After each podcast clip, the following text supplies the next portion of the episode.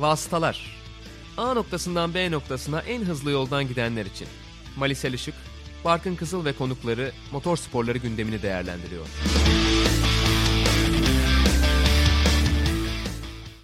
Vasıtaların 37. bölümüne hoş geldiniz. Sokrates Podcast'te ikinci sezon 22. bölümümüzle karşınızdayız ve Imola'yı Emilia Romagna Grand Prix'sini konuşacağız. Ben Barkın Kızıl, Malisel Işık'la beraber bu bölümde her zaman olduğu gibi karşınızdayız. Mali hoş geldin. Hoş bulduk. Bir başka İtalya yarışı demek lazım herhalde. Bu sezon kendine bol bol yer vurdu İtalya. Tabii şöyle bir geriye dönüp baktığımız zaman aslında pandeminin en büyük merkeziydi bu dönemin başında İtalya ve biz hani bir yarış bile olmayacağını düşünürken bir anda İtalya domine etti takvimi. Yani erken atlattılar. O yüzden e, tabii şimdi tekrar ikinci dalga denilebilecek bir noktaya bütün Avrupa geliyor. Hatta MotoGP'nin e, sezon finali de tehlike altında gibi Portimao. O konulara şimdilik tabii ki girmek çok mantıklı değil çünkü o işin başındayız ama İtalya erken atlattığı için ne yapılmaması gerektiğini de biraz acı bir şekilde gördüğü için e, sonrasında toparlayabildiler. Bir de e, 1982'den beri ilk defa bir ülkede 3 e, yarış birden yapılmış oldu. E, Amerika Birleşik Devletleri'nde 3 yarış yapılmıştı. 1982 senesinde ki o da zaten acayip bir sene. Kimsenin şampiyon olmak istemediği 2020 MotoGP e, sezonu gibi. Orada da biri Detroit'te biri Long Beach'te galiba. Bir tanesi de e, Las Vegas'ta Caesars Palace'ın otoparkında böyle saçma sapan E şeklinde bir pist. Tarihin en sıkıntılı en büyük pistlerinden bir tanesi. Sırf yani gitmiş olmak için oraya gitmişler. Ama tabii bu 2020 sezonundaki 3 İtalya yarışı da pist olarak bakıldığında, yarış kalitesi olarak bakıldığında da birbirinden keyifliydi bence. Hatta Monza zaten herhalde bu senenin zirvesiydi mi var? Evet bence de öyle. Yani sezonun en keyifli yarışlarından 3 tanesi kesin İtalya'da oldu. Onu söyleyebiliriz herhalde. Ee, ya bence bu yarış biraz daha zayıftı diğer yarışlara kıyasla ama yine ortalamanın üzerinde bir yarış olduğunu herhalde söyleyebiliriz. Tabii yarışa ve piste geçmeden önce aslında bu hafta içinde gelen bazı haberleri değerlendirerek başlamak istiyoruz. Pierre Gasly, George Russell ve Antonio Giovinazzi üçü de kendi takımlarıyla beraber kalacaklar. Sözleşme yenileme haberleri geldi. Zaten Gasly'nin hani ve Russell'ın da özellikle Formula 1'de olacağını bekliyorduk ama Giovinazzi acaba artık son şansını kullandı mı ya da Formula 1'e devam edecek mi diye biraz şüpheyle yaklaşıyorduk. Buna karşın Alfa Romeo takımı ya da Sauber bir şekilde Giovinazzi ile sözleşmeyi imzaladı ve bizim de aslında beklediğimiz, beklentimiz olan Mick Schumacher, Kimi Raikkonen takımını en azından önümüzdeki sene için piste sürmeyeceğini duyurmuş oldu bir anlamda. Tabii bu hafta sonunda iyi bir sonuç aldı Giovinazzi. Zaten konuşacağız. Ama biraz da diğer faktörlere dayalı olarak bu sonucu aldığını herhalde ifade etmek lazım. Ne diyorsun? Enteresan bir hamle oldu ve önemli de bir aslında fırsatı belki de teptiler. Çünkü Schumacher Raikkonen birlikteliği önemli bir PR hamlesi olabilirdi herhalde. Ya bu arada ben George Russell'dan o kadar emin değildim çünkü hafta içerisinde e, geçtiğimiz 10 gün içinde daha doğrusu öyle haberler çıktı ki Russell'ın koltuğu Perez'e mi gidiyor ya da başka bir yere mi gidecek? İşte Toto Wolff çıkıyor diyor ki ya hani Williams öyle bir karar verirse biz onların iç işlerine karışamayız falan. Hani e, Russell tehlike altında diye düşünüyordum ben. Doğru anlaşma oldu bence de. Yani Nick Latifi George Russell'la birlikte devam ediyor olmaları Williams'ın faydasına diye düşünüyorum. Özellikle de yeni bir oluşum içerisinde şimdi farklı bir yola doğru gidiyorlar. Orada en azından pilotlar anlamında bir stabilite geçiş dönemini de kolaylaştırır. E bir de iyi pilotlar yani Nick Latifi de güzel sonuçlar elde ediyor sonuçta. George Russell zaten dikkatleri de üzerine topluyor. İnsanlar ilgileniyor da öyle bir pilotu yani iyi olmasının yanında, başarılı olmasının yanında e, o şekilde takımda tutmak önemli. Pierre Gasly de Faenza takımında artık öyle Instant takımı gibi söylüyoruz herhalde onda isim sürekli. Daha doğrusu iki isim birkaç kez değiştiği için öyle söylemek gerekiyor. Alfa Tauri de gayet mutlu ve iyi üzerinde baskı olmadan iyi sonuçlar elde ediyor. Çok acayip işler yapıyor. Dolayısıyla Gazi'nin orada kalması da iyi oldu. Çünkü tekrar şimdi Red Bull'a çıksa evet bu seneyi geçirdiği Red Bull'a çıkarsalar e, daha önceki Red Bull'da yaşadıklarının aynısını bir daha yaşasa yani sürekli asansör gibi o da bir garip olacaktı. Bence Ama bu arada Red Bull beni düşünmediği için şaşırdım demiş Gazli. Hmm. Yani aslında muhtemelen bir beklentisi vardı ki bu hafta sonunda da aslında kariyerinin en iyi sıralama derecesini elde etti. Onu zaten konuşacağız. Hı Ya Alfa Tauri'den daha iyisi olabilirdi belki de gösterdiği potansiyelle ama Alfa Tauri de gerçekten aslında bu sezonun yıldızlarından bir tanesi takım olarak. Evet. Ya bu sezon gerçekten tabii biraz aslında yaklaşım olarak da şimdi Red Bull'un B takımı olmaktan biraz daha uzaklaşıyor gibi konumlandırdılar kendilerini. Performanslar da onu gösteriyor aslında. Ee, öyle bakıldığında Alfa Tauri gerçekten bu sezonun en keyif veren takımlarından bir tanesi oluyor. Ya burada devam etmek onun için iyi ama Pierre Gasly'nin tabii ki ne olursa olsun en azından beni değerlendirselerdi diye düşünmesi de mantıksız değil. Bence bu karar onun da hayrına oldu diye düşünüyorum. Yani onun daha iyi iş yapabileceği bir yer burası. Yani daha faydalı e, olabileceği ortam burası. O yüzden hani tabii ki bir Formula 1 pilot olarak önünüze Red Bull mu yoksa Alfa Tauri mi e, diye bir seçenek geldiği zaman yarış kazanma ihtimalinizin daha yüksek olduğu Red Bull'u tercih edersiniz. Ama orada takım arkadaşınız Max Verstappen'ken ne kadar faydalı ne kadar zararlı olur tartışırız yani. O yüzden yani çok başka bir yerde olmak gerekiyor öyle söylemek lazım. O yüzden bence Gazi'nin Alfa Tauri ile devam etmesi kariyeri açısından da gayet güzel. Yani bir stabilite bence gayet iyidir ve yani çok iyi de bir sezon geçiriyor zaten. E, Antonio Giovinazzi konusunda sen de ben de biraz hayal kırıklığına uğradık herhalde değil mi? Çünkü yani bu kadar akılda kalmayan bir performans bir sezonu daha hak ediyor muydu? Bence hak etmiyordu. Ya ben hani son şansı olarak bu sezon olacağını düşünüyordum ama bir sezon daha kendisi şans bulacak. Tabii aslında onda biraz hayalci açıklamaları vardı. İşte ben şu anda Ferrari'de de olabilirdim vesaire gibi talihsiz sayılabilecek yani bazı açıklamaları vardı. Bu açıklamaya e, vasıtalar e, sınırları içerisinde cevap veremem herhalde. O yüzden vermemeyi tercih ediyorum. Peki anladım. O zaman yarışa geçelim. E, tabii yarışın startında aslında Max Verstappen'in çok iyi bir kalkış yaptığını söyleyelim ki bazen aslında bu yönden zayıf kalabildiğini görüyorduk ama bu yarışta hiç öyle olmadı ve aslında hani formda bir Max Verstappen gördük. Böylece Hamilton startın kaybeden olmuş oldu. Üçüncü basamağa düştü Lewis Hamilton. Fakat tabii yarışın ondan sonraki bölümünde yine Hamilton'lığını yaptı ve Mercedes takımının da harika stratejisiyle bir galibiyet daha aldı. Oraya zaten geleceğiz. Hemen ilk turla devam edelim. Vettel ve Magnussen arasında bir temas oldu ve Kevin Magnussen de bu sezon en çok problem yaşayan isim. Yani yine o sorun mıknatısı olmaktan kaçamadı. Aynı şekilde bir başka mıknatısı Sebastian Vettel herhalde. Nihayet hiç fena olmayan bir yarış geçiriyordu. Bu defa da pit ekibi yarışını mahvetti. Evet yani gerçekten Sebastian Vettel'e e, üzülmemek elde değil ama yani performans olarak bakıldığında da Red Bull'la geçirdiği yıllarından çok uzakta duruyor. Özellikle bu yıl çok uzakta duruyor. Birazcık kafa, kafa ya kafada Ferrari tamamen bitirmiş tabii ki. Aston Martin umarız tekrar toparlar. Yoksa gerçekten e, Nelson Piquet'in e, kariyerinin son bölümü gibi böyle bir ya bu adam nasıl kadar fazla şampiyon olmuştu denilebilecek bir sorgulamaya da umarım bizi itmez ki Nelson Piquet zaten Imola'da geçirdiği kaza sonrasında derinlik algısını kaybediyor. O yüzden kariyerinin son bölümünde sadece aslında para kazanmak için yarışıyor ki eğer internette araştırırsanız bulabilirsiniz. bir şikayet edişi var. Şey diyor yani derinlik algım yoktu hiçbir şey görmüyordum. Bayağı da hız kaybettim. Griddeyim sağıma soluma bakıyorum böyle De Cesaris'ler şeyler. Neredeyim ben falan diyordum diyor. Ona da mutlaka bakın. Ya Sebastian Vettel umarım dediğim gibi önümüzdeki yıl Aston Martin'le birlikte yeni bir sayfayla psikolojik açıdan kendisini toparlar. Ee, ama yani bu sezon onun adına olumlu söyleyebileceğimiz çok fazla şey yok. Bu yarışla ilgili olumlu şeyler söyleyebilirdik ama senin de söylediğin gibi pit stop çok uzun sürdü. Sağ ön lastiği takamadılar ve dolayısıyla yarışta da manalı bir derece elde edemedi. Yine de yarış bittikten hemen sonra e, sağ ön lastiği değiştirmekle görevli olan pit elemanına İtalyanca sen bir centilmensin herhangi bir problem yok dert etme gibi bir şeyler söylemiş. Ya bu özelliğiyle zaten biraz bence kaybettiği gönüllüleri hemen geri kazanıyor. Tabii Fettel'in aslında yarışa başka bir etkisi de oldu. Pol pozisyonun sahibi ve belki de bu yarışta Hamilton'ı geçebilecek olan çünkü bu pistte geçiş yapmak çok kolay değil bildiğiniz gibi. Valtteri Bottas Fettel'in kırılan bir kanat parçasından bir taban hasarı aldı ve sonrasında da bir aerodinamik problem olarak kendisine geri döndü bu.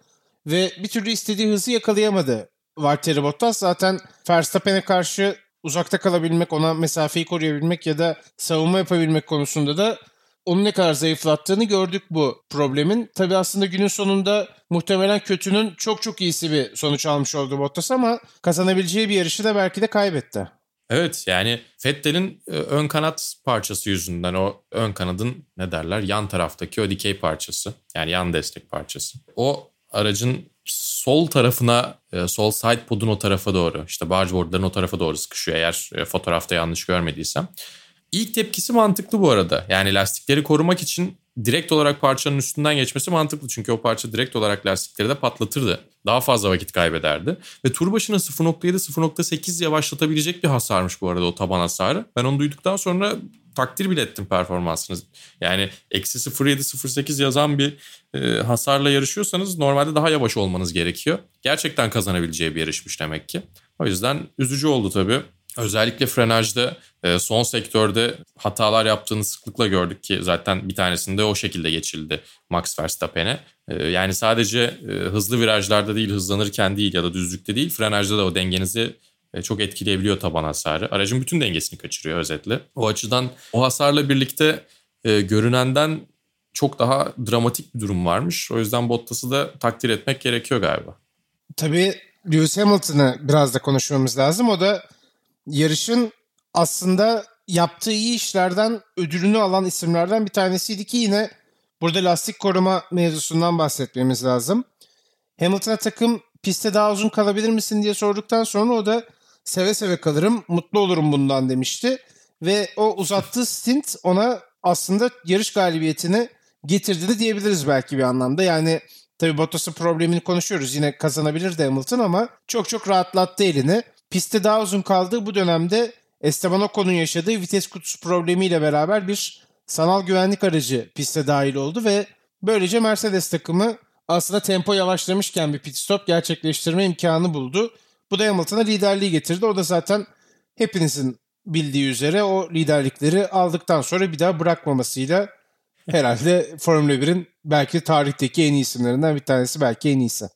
Ya bir de şöyle bir durum var tabii şimdi ya sanal güvenlik aracı öyle bir zamanda girdi ki Hamilton tam içeriye girerken sanal güvenlik aracı girdi. Pit stop tamamlandı. Çıktığında sanal güvenlik aracı kalktı. Yani mükemmel bir zamanlama. E ama şöyle bir haksızlık ediliyor benim gördüğüm kadarıyla biraz etraftaki yorumlarla birlikte. Ya Hamilton sanal güvenlik aracı olmasa da lider dönebilecek farkı yaratmıştı aslında. Ama tabii ki çok daha sıkışık olabilirdi. Pitte ufak bir problem çıksa iki pilotun birden yani hem Bottas'ın hem Verstappen'in arkasında dönebilirdi. Böyle bir ihtimal vardı. Elini biraz daha rahatlattı. E ama yine de e, sanal güvenlik aracı olmasa da Hamilton lider dönebilecek kadarlık o farkı sanki açmış gibiydi. Öyle bakıldığında kafa olarak biraz daha rahatlattı. Biraz daha dediğim gibi o boşluğu yarattı. Ki zaten yine e, ilerleyen dakikalarda değineceğiz. Bir sonraki güvenlik aracında da ters tarafta yakalandı. Bu arada Sebastian Vettel'in de ünlü bir sözü vardı hatırlayacaksındır. Ee, işte Hamilton size lastiklerine davrandığı şekilde davranarak bir masaj yapsa bu saf bir sihir olur diye herhalde çevirebiliriz. Öyle bir açıklama evet. vardı yani. Onu da hatırlatmış evet. olalım. Hazır lastik saklaması derken Lewis Hamilton'ın ki Vettel de iyi iş yaptı dediğim gibi. O aynı mevzuda. Buradan tabii Max Verstappen'e geçelim. Madem favori isimleri konuşuyoruz. İtalya'daki üçüncü yarışında da yine yarışı tamamlayamamış oldu Max Verstappen enteresan bir şekilde. İtalyan laneti Verstappen'in üzerinde bir lastik patlattı Verstappen. Onun öncesinde de zaten e, bir bölümünde yarışın motorun yavaş yavaş güç kaybettiğini ya da anlık olarak güç kesintisine uğradığını ifade etmişti. Yani Bottas'ı geçtikten sonra özellikle bir anda yarış iyi mi gidiyor acaba Verstappen için düşünürken, öyle düşünürken o da yarışın dışında kaldı. Yani evet dediğin gibi İtalya'daki 3 yarışta da puan alamaması çok saçma oldu. Max Verstappen için. Bu sezon içerisinde pek çok yarıştı. Benzer şeyler yaşadı diyebiliriz belki. Sezon başından aslında ilk yarışından sezonun belliydi. E, böyle şeyler olacağı belki. Yine de o arada topladığı puanlara bakıyorsun yani bu işte yarış dışı kalmalarıyla birlikte hesapladığında. Yine iyi bir sezon geçiriyor aslında ama tabii ki yani yapı olarak ona çok uyabilecek bir pist. Başarılı olabileceği bir pistti güzel bir ikincilikle birlikte e, Imola'dan ayrılsa hakikaten herkes için keyifli olurdu diye düşünüyorum. Takdirde edilirdi. Ama tabii ki e, Hambotver'den uzaklaştığımız araya bir değişik bir birisi de olsa girebildiği her yarışta e, alıp takdir etmek gerekiyor. Max Verstappen'in kariyeri adına bir dönüm noktasıydı aynı zamanda bu yarış. E, buradan puan alamamasıyla birlikte şampiyonluk şansı kalmadı. Ve e, tarihin en genç dünya şampiyonu olamayacak artık bu sene sondu. E, o olman bir süre daha Sebastian Vettel'de kalacak. O zaman Kimi Räikkönen'le devam edelim. Günün pilotu oldu elbette. Aslında bu hafta içinde işte bölümün başında da konuştuğumuz gibi Alfa Romeo'nun Alfa Romeo Sauber'in açıkladığı karar sonrasında ben de biraz Vasör beyefendiye eleştirel bir tweet atmıştım ama sonrasında son iki daha doğrusu gridin sonundan puan alan son iki sıraya yükselmeyi başardılar. Tabi biraz olaylı bir yarış olmasının da bunda etkisi var. Ama Alfa Romeo enteresan biçimde iki isimle puan çıkarttı. Raikkonen de günün sürücüsü oldu. Evet yani bu yarış onlar için iyiydi. Evet Giovinazzi'yi sezon daha doğrusu bölüm başında eleştirdik. Sezon boyunca da gerçi fırsat buldukça eleştiriyoruz ama sezon içerisindeki performansını daha doğrusu e, bölüme başlarken eleştirdik. Ama bu yarış özelinde bir parantez açmak gerekiyor. Biraz istisnai aslında. İkisi de önlerindeki fırsatları iyi değerlendirdiler. Bireysel olarak çok ekstra performans ortaya koydular mı bunu tartışabiliriz. E, yani Kimi Raikkonen'in 45 e, tur orta hamur lastiklerle gitmesi evet takdir edilecek bir şey ama sonuncu sıradan başlayıp 10. bitirdiği yarışta bile ben Giovinazzi ne yaptı çok hatırlamıyorum açıkçası. Ya Daniel'lardan yani biri olabilirdi herhalde lazım. günün pilotu. Ricardo veya Kvyat. Evet değil mi? Evet doğru bence de. Yani ben olsam Daniel Kvyat'a verirdim. Çünkü Ricardo da çok ekstra işler yapmadı bence. Yani podyum tabii ki çok önemli. Onu konuşacağız ama yarış performansı olarak bakıldığında kim daha çok benim gözüme battı? dersen açıkçası Daniel Kvyat. Hem yaptığı geçişlerle birlikte hem yükselişiyle birlikte hem de yarışı dördüncü bitirmesiyle. Ama Kimi Raikkonen'i tabii takdir etmek gerekiyor. Günün pilotu biraz popülerlik oylaması aynı zamanda. Yani sevdiğiniz pilot birazcık iyi bir iş yaptıysa oyu ona veriyorsunuz. Dolayısıyla her zaman en iyi performansı sergileyen değil o yarışta en çok e, hayranlarını sevindiren de kazanıyor. Bunun aksini de e, istemek belki çok doğru değil. Belki o yüzden e, sen de belki katılırsın bana. Formula E'deki fan boost biraz eleştiriliyor. Çünkü başarıya direkt olarak etki eden bir şey ve bir popülerlik yarışması aslında. Ha, güzel bir şeye oturttular gerçi onu son dönemlerde ama ilk çıktığında en azından öyle bir eleştiri altındaydı. Ya evet ama hala avantaj sağladığını söylemek lazım. Tabii burada günün pilot sonuçta yarıştan sonra seçiliyor ama senin de dediğin gibi Formula E yarışlarında yarış öncesinde gerçekleşiyor oylama. Hatta yarış sırasında devam ediyor. Onun sonucunda da sürücüler bir ekstra güç kazanıyorlar bilmeyen dinleyicilerimiz varsa. Ve onu yarışta kullanabiliyorlar. Aslında dediğin gibi ne kadar popülerseniz o kadar bir avantaj yaratmış oluyorsunuz rakipleriniz karşısında ama Formula 1'e biz devam edelim tabii. Bugün çünkü günün sürücüsü olabilecek bir başka ismi konuşacağız. O da George Russell. Puana gidiyordu ah, belki yapma. de George Russell. Yani bu kadar aslında ismin talihsizlik yaşadığı, işte Alfa Romeo'ların çifte puan çıkarttığı bir yarışta gerçekten puanı alabilirdi. Çok istediği puanı alabilirdi. Ancak güvenlik aracı ardında bir hata yaptı. Gaza biraz belki erken oturdu ya da dengeyi ayarlayamadı ve bir anda bariyerlerde gördük George Russell'ı yarışı sona erdi. Yine çok iyi bir sıralama geçirmişti elbette hala hiçbir takım arkadaşına kaybetmeme ünvanı devam ediyor sıralamalarda George Russell'ın. O da demiş ki benim kariyerimdeki en büyük hata bu oldu. Haklı. Yani savunulacak bir tarafı yok zaten. Ee, ama o da savunulacak bir tarafı olmadığını biliyor. Güvenlik aracı arkasında lastiklerini biraz fazla agresif ısıtmaya çalışırken dengesini kaybediyor. Ya çok üzücü, kö- kötü bir hata açıkçası. Yani George Russell'ı seviyoruz, destekliyoruz.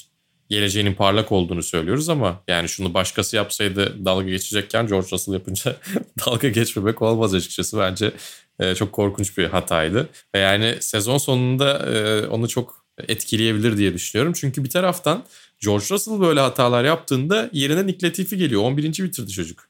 Evet o da neredeyse bir kere daha puan alıyordu. O anlamda da enteresan bir aslında takım içi mücadele var. Williams'ta herhalde. Onu söyleyebiliriz. Tabii ya galiba bu sene Nick Latifi puan alacak, George Russell alamayacak. Benim için böyle doğru. Ya bu olabilir gayet muhtemel bir senaryo. Bir başka daha alt bölümdeki takım elbette Haas. Magnussen'den bahsetmiştik. Sen de buraya notlarımızın arasına Grosjean vardı bu yarışta yazmışsın. Fettel'in önünde bitirdi demişsin. Başka söyleyecek hiçbir şeyim yok. Ben hatırlamıyorum yine yani. O zaman Racing Point'le devam edelim. Çünkü Perez'in yine kaybedilmiş bir podyumu olduğunu gördük. Ricardo biraz da aslında Racing Point takımının verdiği yanlış bir karar sebebiyle podyuma çıktı herhalde. %50 kendi performansı ise %50'si de bu karardan gelmiş oldu.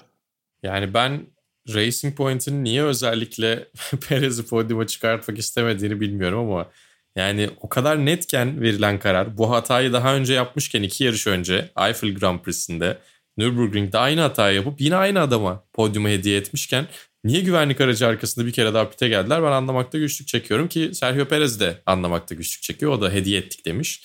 E, Daniel Ricciardo zaten Perez'in pite geldiğini gördüğümde çok sevindim diyor. Belli yine bir kere daha podyum hediye ediliyor ona. Yani o da tabii ki hak etti podyum hediye ediliyor. Çok doğru olmayabilir ama bir taraftan da yani Racing Point'in ve Sergio Perez'in de o podyum ve gerçekten elleriyle ittirdiler. Üzücü. Tabii Lance Stroll de yine çok iyi bir yarış çıkartmadı. Hatta kötü, çok kötü bir yarış çıkarttı. Bir de pit elemanıyla kazası var. Yani frenler soğuk diyor Stroll ama biraz sanki konsantrasyon hatası gibi de geldi bana.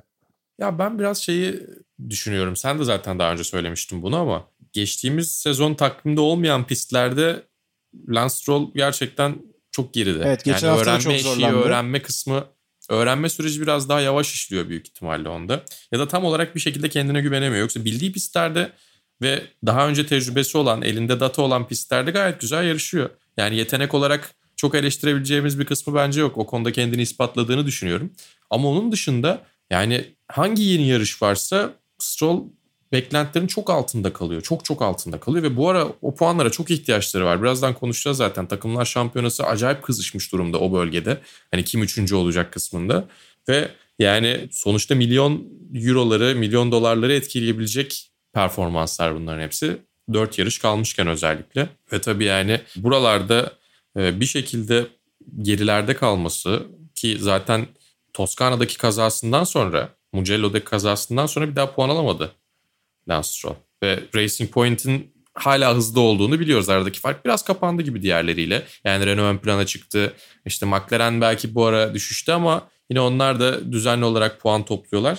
Yani iki kişilik bir şampiyona sonuçta. Daha doğrusu takımdan iki kişi birden puan alıyor ve iki pilotun birden kendini orada göstermesi gerekiyor. Şimdilik Perez sırtlıyor takımı. E, Son dört yarışta bu gidişatın biraz değişmesi gerekiyor. Yoksa yani Renault'un da McLaren'ın da arkasında kalacak gibi Racing Point. Şu an zaten arkalarındalar ama. Ya bu arada istersen çok hızlı bir şekilde de konuşalım. Renault'un 135, McLaren ve Racing Point'in 134'er puanı var. Biraz toparlayan Ferrari'yi de hadi oraya atalım. Onlar da 103 puana sahipler. Alfa Tauri 89 puana takip ediyor. Yani bir puan içinde sıralanan 3 takım var. Onları 30 puan civarında geriden takip eden bir başka takım var. Dediğin gibi kim üçüncü olacak? Kestirmek çok zor. Ama Renault'un da yani Racing Point kadar herhalde şansı olduğunu görebiliriz gibi geliyor bana da. Evet yani şu an Renault avantajlı gibi çünkü iyi sonuçlar onlardan geliyor. Ama bir taraftan Daniel Ricciardo özelinde geliyor iyi sonuçlar. Yani Esteban Ocon biraz mekanik problemlerle de boğuşuyor. Renault şu anda fırsat geldiğinde en yüksek tavanı olan takım gibi. Ama düzenli puan alma açısından bakıldığında, dayanıklılık olarak bakıldığında McLaren'lar biraz ön plana çıkıyor gibi. Yani Racing Point bu iki özelliği de sanki kaybetti. Ama McLaren'in de biraz Ama- inişli çıkışlı grafiği var. Yani bazen çok iyiyken E, bazen tabii. pek iyi değiller. Evet bazen 9-10 bitirmek için yarışıyorlar. Bazen 4-5'i zorlayabiliyorlar. 5-6'yı diyelim belki de. E, Ama en azından bitire, bitirebiliyorlar. Yani çok ciddi bir mekanik arıza son yarışlarda ben çok hatırlamıyorum. Ben mi unutuyorum acaba? Renault daha ön plana çıkıyor en azından. Evet biraz daha öne çıktığı kesin. Ee, neyse yarışla devam edelim madem. Tabii ki Leclerc'in de adını almamız lazım. Podyum kazanan Ricardo'ya geçmeden önce biraz da onu konuşalım. Yine aslında Ferrari'nin yaptığı çalışmaların işleri iyiye götürdüğünü gördüğümüz bir başka performans geldi. Gerek sıralamalarda gerek yarışta Charles Leclerc yani otomobilden maksimumunu aldığı kesin neredeyse de podyum yakalıyordu. Evet. Yani bir aksiyon daha olsa yarışta kendini podyumda bulacaktı ki bence mucizeye çok yakın şu Ferrari aracıyla birlikte. Yani ilerliyor olsalar da e, etrafındaki rakipler, etrafındaki takımlar ve araçlar sonuçta daha iyiler. Öyle görünüyor. E, işin psikolojik kısmı da var yani. Bütün sezon problem yaşayıp sıkıntı çektikten sonra podyum fırsatı gelse dahi değerlendirebilecek hıza sahip olmak, orada hazır bekliyor olmak Charles Leclerc'in başarısı bence. Ve dediğin gibi sıralama turunda da çok iyiydi. Üstüne yarışta da bence gayet iyi bir performans sergiledi. Ve yani fırsat eline geçseydi kesinlikle kaybetmezdi. Perez'in yerinde Leclerc olsaydı o podyuma çıkardı öyle söyleyeyim. Yani o fırsatları değerlendirebilecek kadar bekliyor. Sezonun bu yarısında, bu bölümünde o fırsat ortaya çıkmadı ama sezonun başından beri gördük zaten Leclerc'i. Bir yerlerde iki Fırsat İspanyol gülümsüyor diyebilir miyiz Carlos Sainz ve Fernando Alonso için? yani ikisi de önümüzdeki yıl en azından podyumlar için savaşabilecek gibi gözüküyorlar. Tabii Ricardo ile devam edelim. e, o elbette Fernando Alonso'ya koltuğunu bırakacak isim. Yine podyum buldu. Bu defa şu isini de gerçekleştirdi. Maalesef Hamilton da nasibini aldı bu olaydan ki gönüllü olduğunu görmüştük. Evet, Cyril Abiteboul'da bir, de, bir tane daha dövme yaptırmam demiş. E tabii canım yeter şey mi olacak bu adam belli bir yaştan sonra. Podyuma çıkarsan demiş. Her podyuma bir dövme dememiş yani. İyi ki de dememiş zaten. yani ne olacağını da bilmiyoruz. O e, sezon sonuna kadar sürer onun kararı şu busu. Abu Dhabi'den sonra belli olur o işler. Belki daha sonra bile yaptırır bilmiyoruz sonuçta Covid'den dolayı gidip nerede ne zaman nasıl yaptırırlar o dövmeyi bilmiyorum ama yani en azından bu gündemi bir süre daha meşgul eder sezon sonrasında. Off season'da güzel malzeme olur diye düşünüyorum bize. Ee, onun dışında İstersen şu yine yani podyumda yapılması gereken bir şey miydi? Ya da ne bileyim ayakkabıya şampanya doldurup sonra içmeseler sadece onu gösterseler falan olur muydu? Çünkü ekrana getirmekte de böyle bir tereddüt e, yaşandı anladığım kadarıyla. Biz ulan adamlara maske taktırıyoruz, çok dikkat ediyoruz diyoruz. böyle bir iğrençliği ekrana getirmeli miyiz ikilemi sanki form tarafından yaşanıyor gibiydi. Hamilton'ın dediğin gibi gönüllü olması da ilginç. Diğer ayakkabını da çıkar hadi sana eşlik edeyim gibi bir teklifte bulunması Daniel Ricciardo'ya. Demek ki o da artık ben, ben e, ulaşabileceğim her şeye ulaştım bu saatten sonra daha az dikkat ediyorum mu diyor bilmiyorum. Ya bence iğrenç bir gelenek. Yani Daniel Ricciardo sempatik olduğu için onda güzel duruyor tabii ki ama yine de korkunç yani. Bir de yarışta giydiği ayakkabı, temiz ayakkabı falan. yani evet pek tercih edilebilecek bir durum gibi çınlamıyor en azından. Ee, aslında Kvyat'tan biraz bahsettik. Gazden de biraz bahsetmiş olduk aynı zamanda ama onun tabii biraz da bahsetmemiz gereken bir başka yanı çok fazla biraz ve bahsetmek kelimeleri de kullandım. Kaskı herhalde e, Ayrton Senna'ya evet. bu tabii ki anlamlı bir yarış hafta sonu aynı zamanda. ithaf ettiği diyelim kaskıyla burada yarıştı. Çok da güzel aslında bir dizayn yapılmış çünkü Senna kaskını taklit etmeye çalışan ya da işte yansıtmaya çalışan fazla sayıda dizayn görüyoruz ama o dizaynların güzel olanlarından bir tanesiydi ki Gazi aslında bir podyum daha bulabilirdi herhalde problem yaşamasaydı. Öyle görünüyor. Yani sıralama turları zaten nefisti. Pierre Gazi'nin ikinci çizgiye aldı. Ee, eğer o güç ünitesi arızasını yaşamamış olsaydı e, büyük ihtimalle podyumda onu görecektik ki Alfa Tauri'ler burada zaten hızlılardı. Yani sezon içerisinde, sezon öncesinde galiba daha doğrusu burada Imola'da bir çekim günü düzenlemişlerdi. Yani or- oradan elde ettikleri veriler ne kadar yarışta kullan- kullanılabilir verilerdi bilmiyorum. Çünkü hani lastikler falan tabii ki sezon içinde kullanılan lastikler olmuyor. Öyle bir veri mutlaka elde etmemen için gerekli çabayı gösteriyorlar. Ama yine de tabii bir taraftan fabrikanın, Fayansa'daki fabrikanın buraya çok yakın olmasıyla da alakası var mıdır bilmiyorum ama ya buraya e, geldiklerinde güçlü olacaklarını tahmin ediyordu çoğu yorumcu. Ve öyle bakıldığı zaman bunun da karşılığını verdiler. Ve düşünsene yani hem Gazi hem Kvyat yarışı bitiriyor olsalardı belki 3-4 bitirebilecekleri bir yarış olacaktı. Nefis bir sonuç olurdu. Çok da sağlam puanlar elde ederlerdi. Ama zaten e, güzel puanlar elde ettiler. Pierre Gazi şanssızdı ama senin de söylediğin gibi kaskı gerçekten çok şıktı. Ki Daniel Kvyat'ın da Vespa deri kaplamalı kaskları olur ya böyle Vespa'ların açık kaskları. Hı hı. Onun benzeri bir tasarım denemişler. Onunki de şıktı tabii ki. Ama e, tabii saygı duruşu olduğu için Gazi'ninki daha farklı bir noktadaydı. Ya bu kask serbestliği kuralı iyi işledi gibi bu sezonda. Yani güzel evet, dizaynlar görüyoruz. Çünkü tabii ki yani hem artık yani Halo'dan dolayı zaten kasktan anlama devri biteli çok oldu. Ya ben bir de kaska bakınca anlamıyorum diyorsan T-cam'lerin renklerinden zaten araçüstü e, kameranın işte o roll hoop'un üstündeki kameradan zaten belli oluyor. Onun dışında kocaman numaralar yazıyor araçların çoğunda. Yani kimin kim olduğunu anlayabilmek için aslında e, çok fazla done var. Yani kask sadece onu bozmamalı diye düşünüyordum ben. Ve e, bu yeni tasarımların hepsi özel tasarımların, işte saygı duruşlarının, farklı şeylerin hepsi Formula 1'in popülaritesini arttırmaya sosyal medyada ciddi anlamda yardım. Çünkü görüyorsun, paylaşıyorsun. İşte şimdi biz burada bundan bahsediyoruz. Yani vasıtalarında milyonlarca seyirci getirdiğini düşünürsek Formula 1'i. Yani neyse yani bu konuşum insanlara konuşacak başka bir şey veriyor. Ben özellikle severim tabii kask tasarımları, liverler, şunlar bunlar işin grafik tasarım kısmını ayrıca seviyorum. Ama benim kişisel zevklerimin de e, ötesinde bahsettiğim şey çok mantıklı zaten. Yani bu tarz şeylere izin verilebiliyor olması.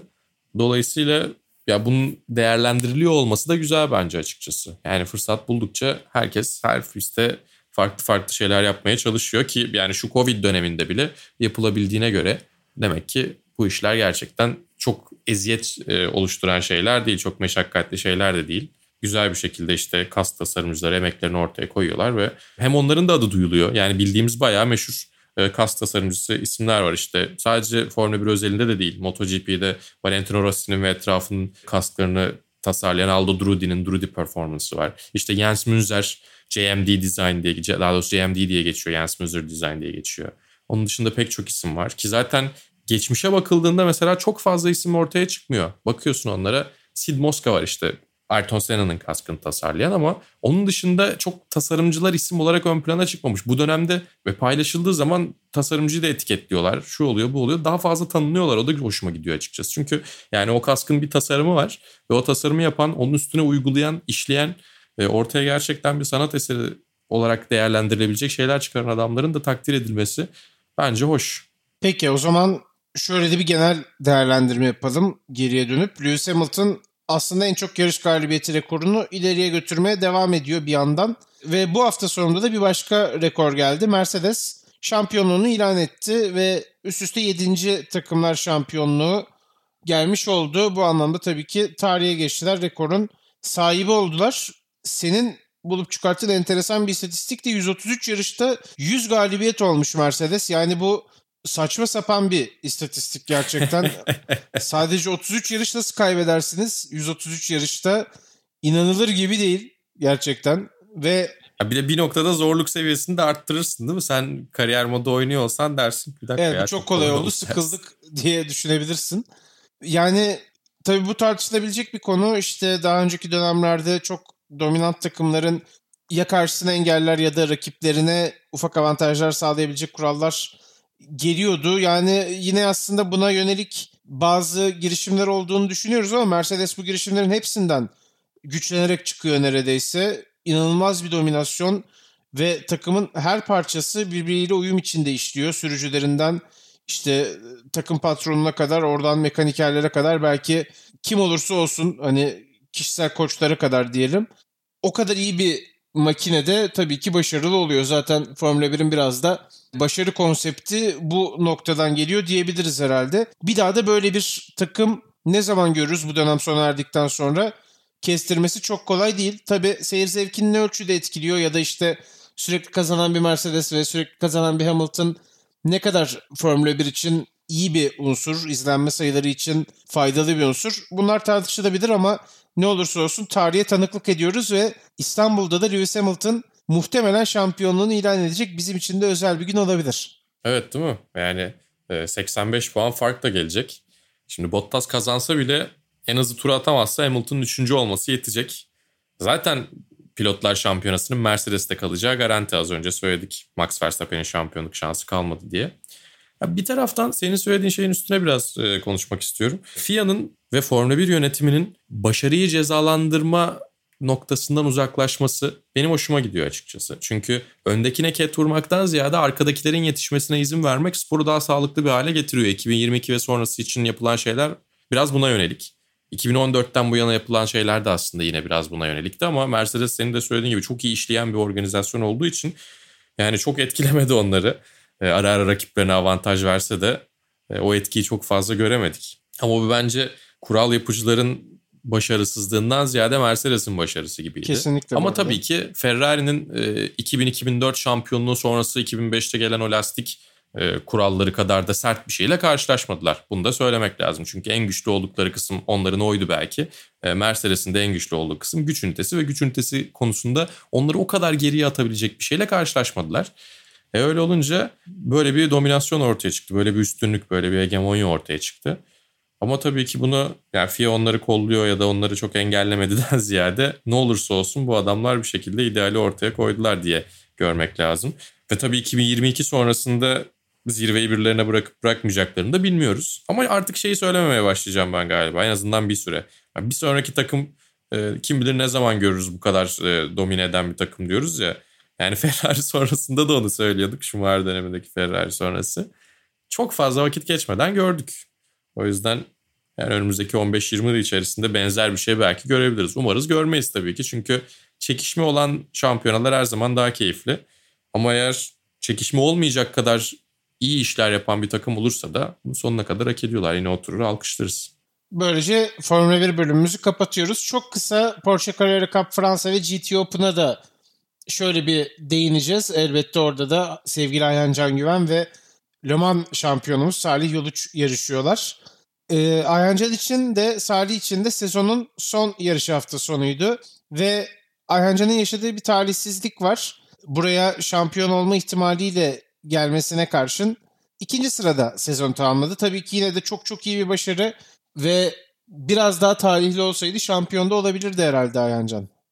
Yani ilk yarışta piste çıkarken lastiğine çivi girmiş. Yani piste çıkış turunda daha grid'e yerleşmeden dahi lastiği basınç kaybediyormuş. O olmasaydı büyük ihtimalle ilk yarışı kazanacaktı. E, o yarış galibiyetiyle birlikte ikinci yarış formaliteye dönecekti ama bilemiyoruz tabii ki bunları. Üst üste üçüncü şampiyonluğu olacaktı bu arada hatırlatalım. Evet üst üste üçüncü şampiyon olacaktı ve daha önce e, zaten Fransızlar dışında kimse şampiyon olmamıştı. Yine bir başka ilke daha imza atacaktı. Startta ilk virajı Florian Latour kesti. Sonra yerini geri vermek yerine önde direnmeyi tercih etti ki bence hemen arkasına geçip sonra Ayhancan'ı zorlayabilirdi. Niye olmasın yani. İnat etti. Pitten geçme cezası aldı. Üstüne bir de arka tarafı falan yavaşlattı ama şimdi e, Ayhancan storylerde e, Twitter'da şurada burada çok fazla bahsetmemiş. Daha doğrusu hiç bahsetmemiş. Tek kelime geçirmemiş. Çünkü yani Ayhancan'ın o yarışı bitirememe sebebi Florian Latour değil. Daha öncesinde onun şanssızlığı yaşanmış. Ben o davranışında da takdir ettim açıkçası. Çünkü yani pilotların %99'u ondan bahseder diye düşünüyorum. Çünkü tehlikeli olacak derecede arkasını yavaşlatıyor ceza almak için pite girmeden önce. Hani son kendisine izin verilen tura kadar da bekliyor. Çok hoş bir davranış değildi. Bir de üstüne bence kendi şampiyonluk şansını da heder etti açıkçası. Eğer yani yol verseydi ve arkasına geçseydi Ayancı'nın lastik problemiyle birlikte Latour zaten yarışı kazanabilirdi. Ve ertesi gün grid cezası almazdı. Yani akılsız davranması en önce kendisini probleme götürdü. Demek ki karşılığında o şekilde almış ama dediğim gibi Ayancan hiç bahsetmemiş ondan. Tamamen ikinci yarış sonrası Jackson'ı tebrik. İlk yarışta da bunlar bunlar oldu. Yarına bakacağız gibi açıklamalar yapmış. O profesyonelliğini de takdir etmek gerekiyor. İkinci yarışı e, ikinci cepten başlayan Jackson Evans kazandı. İşte Simen Aver'le Latour şampiyondaki diğer rakipler. E, onlar ilk turdaki o kaza içerisinde biri anında birisi de biraz vakit geçtikten sonra yarışı bıraktı. Ama Jackson Evans şampiyon oldu. Ki onu da takdir etmek gerekiyor. İyi bir sezon geçirdi. Hem Porsche Super Cup'ta hem Porsche Carrera Cup Fransa'da. Ayhan Can da ikinci oldu ki o da bence zor şartlarda ki yani bu hastaların bölümlerinde ara ara konuştuk. Koştur koştur son anda yetişebildiği yarışlar oldu sezon içinde. E, Avrupa dışından gelip gitmesi arada e, ve tabii ki bu Covid dönemindeki kısıtlamalarla birlikte bazı yerlerde hatta test e, günlerini kaçırıyor olması, daha az test yapabilmesi Silverstone üzerinde konuşuyorum. Bütün bu dezavantajlara rağmen kötü denilebilecek bir sezon kesinlikle geçirmedi. Tabii ki Ayhan Can olduğu için daha iyisi olabilir mi diye sorsak o da evet der. Ama daha iyisi her zaman olabilir. O yüzden bence gayet iyiydi ve artık önümüzdeki sezonlara bakacağız. Ya bir de tabii öyle bir beklentideyiz ki daha iyi istediğimiz hep şampiyonluk oluyor bir noktada. Evet Onda yani sonuçta yani küçük görmek için söylemiyorum ama mahallede karting yapmıyor. Bu çok çok önemli organizasyonlarda işte ki Süper Cup zaten tek marka kupalarının zirvesi her zaman söylüyoruz. Porsche Carrera Cup Fransa belki bir alt Porsche kupalarının en zorlularından bir tanesi. Buralarda şampiyonluğu biz kovalıyoruz. Öyle bir potansiyeli var çünkü Ayhancan'ın. Onu da hatırlatmış olalım. Yani ne olursa olsun bunlar çok büyük başarılar ve bizim Türk motorsporları tarihinde de çok fazla görmediğimiz başarılar aslında bu dönemle beraber alışmaya başlıyoruz. Onu da bir kez daha hatırlatmakta fayda var. Tabii bir başka noktada da Salih Yoluk GT Open serisinde yarışıyordu. Yine TF Sport takımıyla beraber ki e, Vek'te de Dünya Dayanıklılık Şampiyonası'nda da takım arkadaşı olan Charlie Eastwood'la beraber yarışıyorlar. Sezonun son yarışı Barcelona'daydı ve ilk yarışta dördüncü sırayı aldılar. İkinci yarışta ise ya daha doğrusu pazar günkü yarışta ise öyle diyelim. Yedinci sıradan başlayıp enteresan da bir yarış oldu. Tabii detayına çok fazla inemeyeceğiz. Süremiz çünkü kısıtlı. Yarışı kazanmayı başardılar ve bu hafta sonunda onlara sezona üçüncülükle tamamlama anlamında bir geri dönüş sağladı. O puanları aldılar. Hem Ayhan Can'ı hem de Salih Yoluç'u tebrik edelim. Bu güzel sezonlarından ötürü zaten sadece sezonun bu bölümünde değil sezonun genelinde de çok çok iyi iş yaptılar gerçekten ikisi de. Zaten bol bol konuştuk ve o başarılarını önümüzdeki sezonlarda da konuşmaya devam etmek istiyoruz diyelim ve böylece bölümü kapatacağız. Vasıtaları 37. bölümünde ben Barkın Kızıl, Malis Elişik'le beraber sizlerle birlikteydik. Bir sonraki bölümde artık yavaş yavaş İstanbul Park'a ilerliyor olacağız. O bölümde tekrar görüşmek dileğiyle. Hoşçakalın. Hoşçakalın.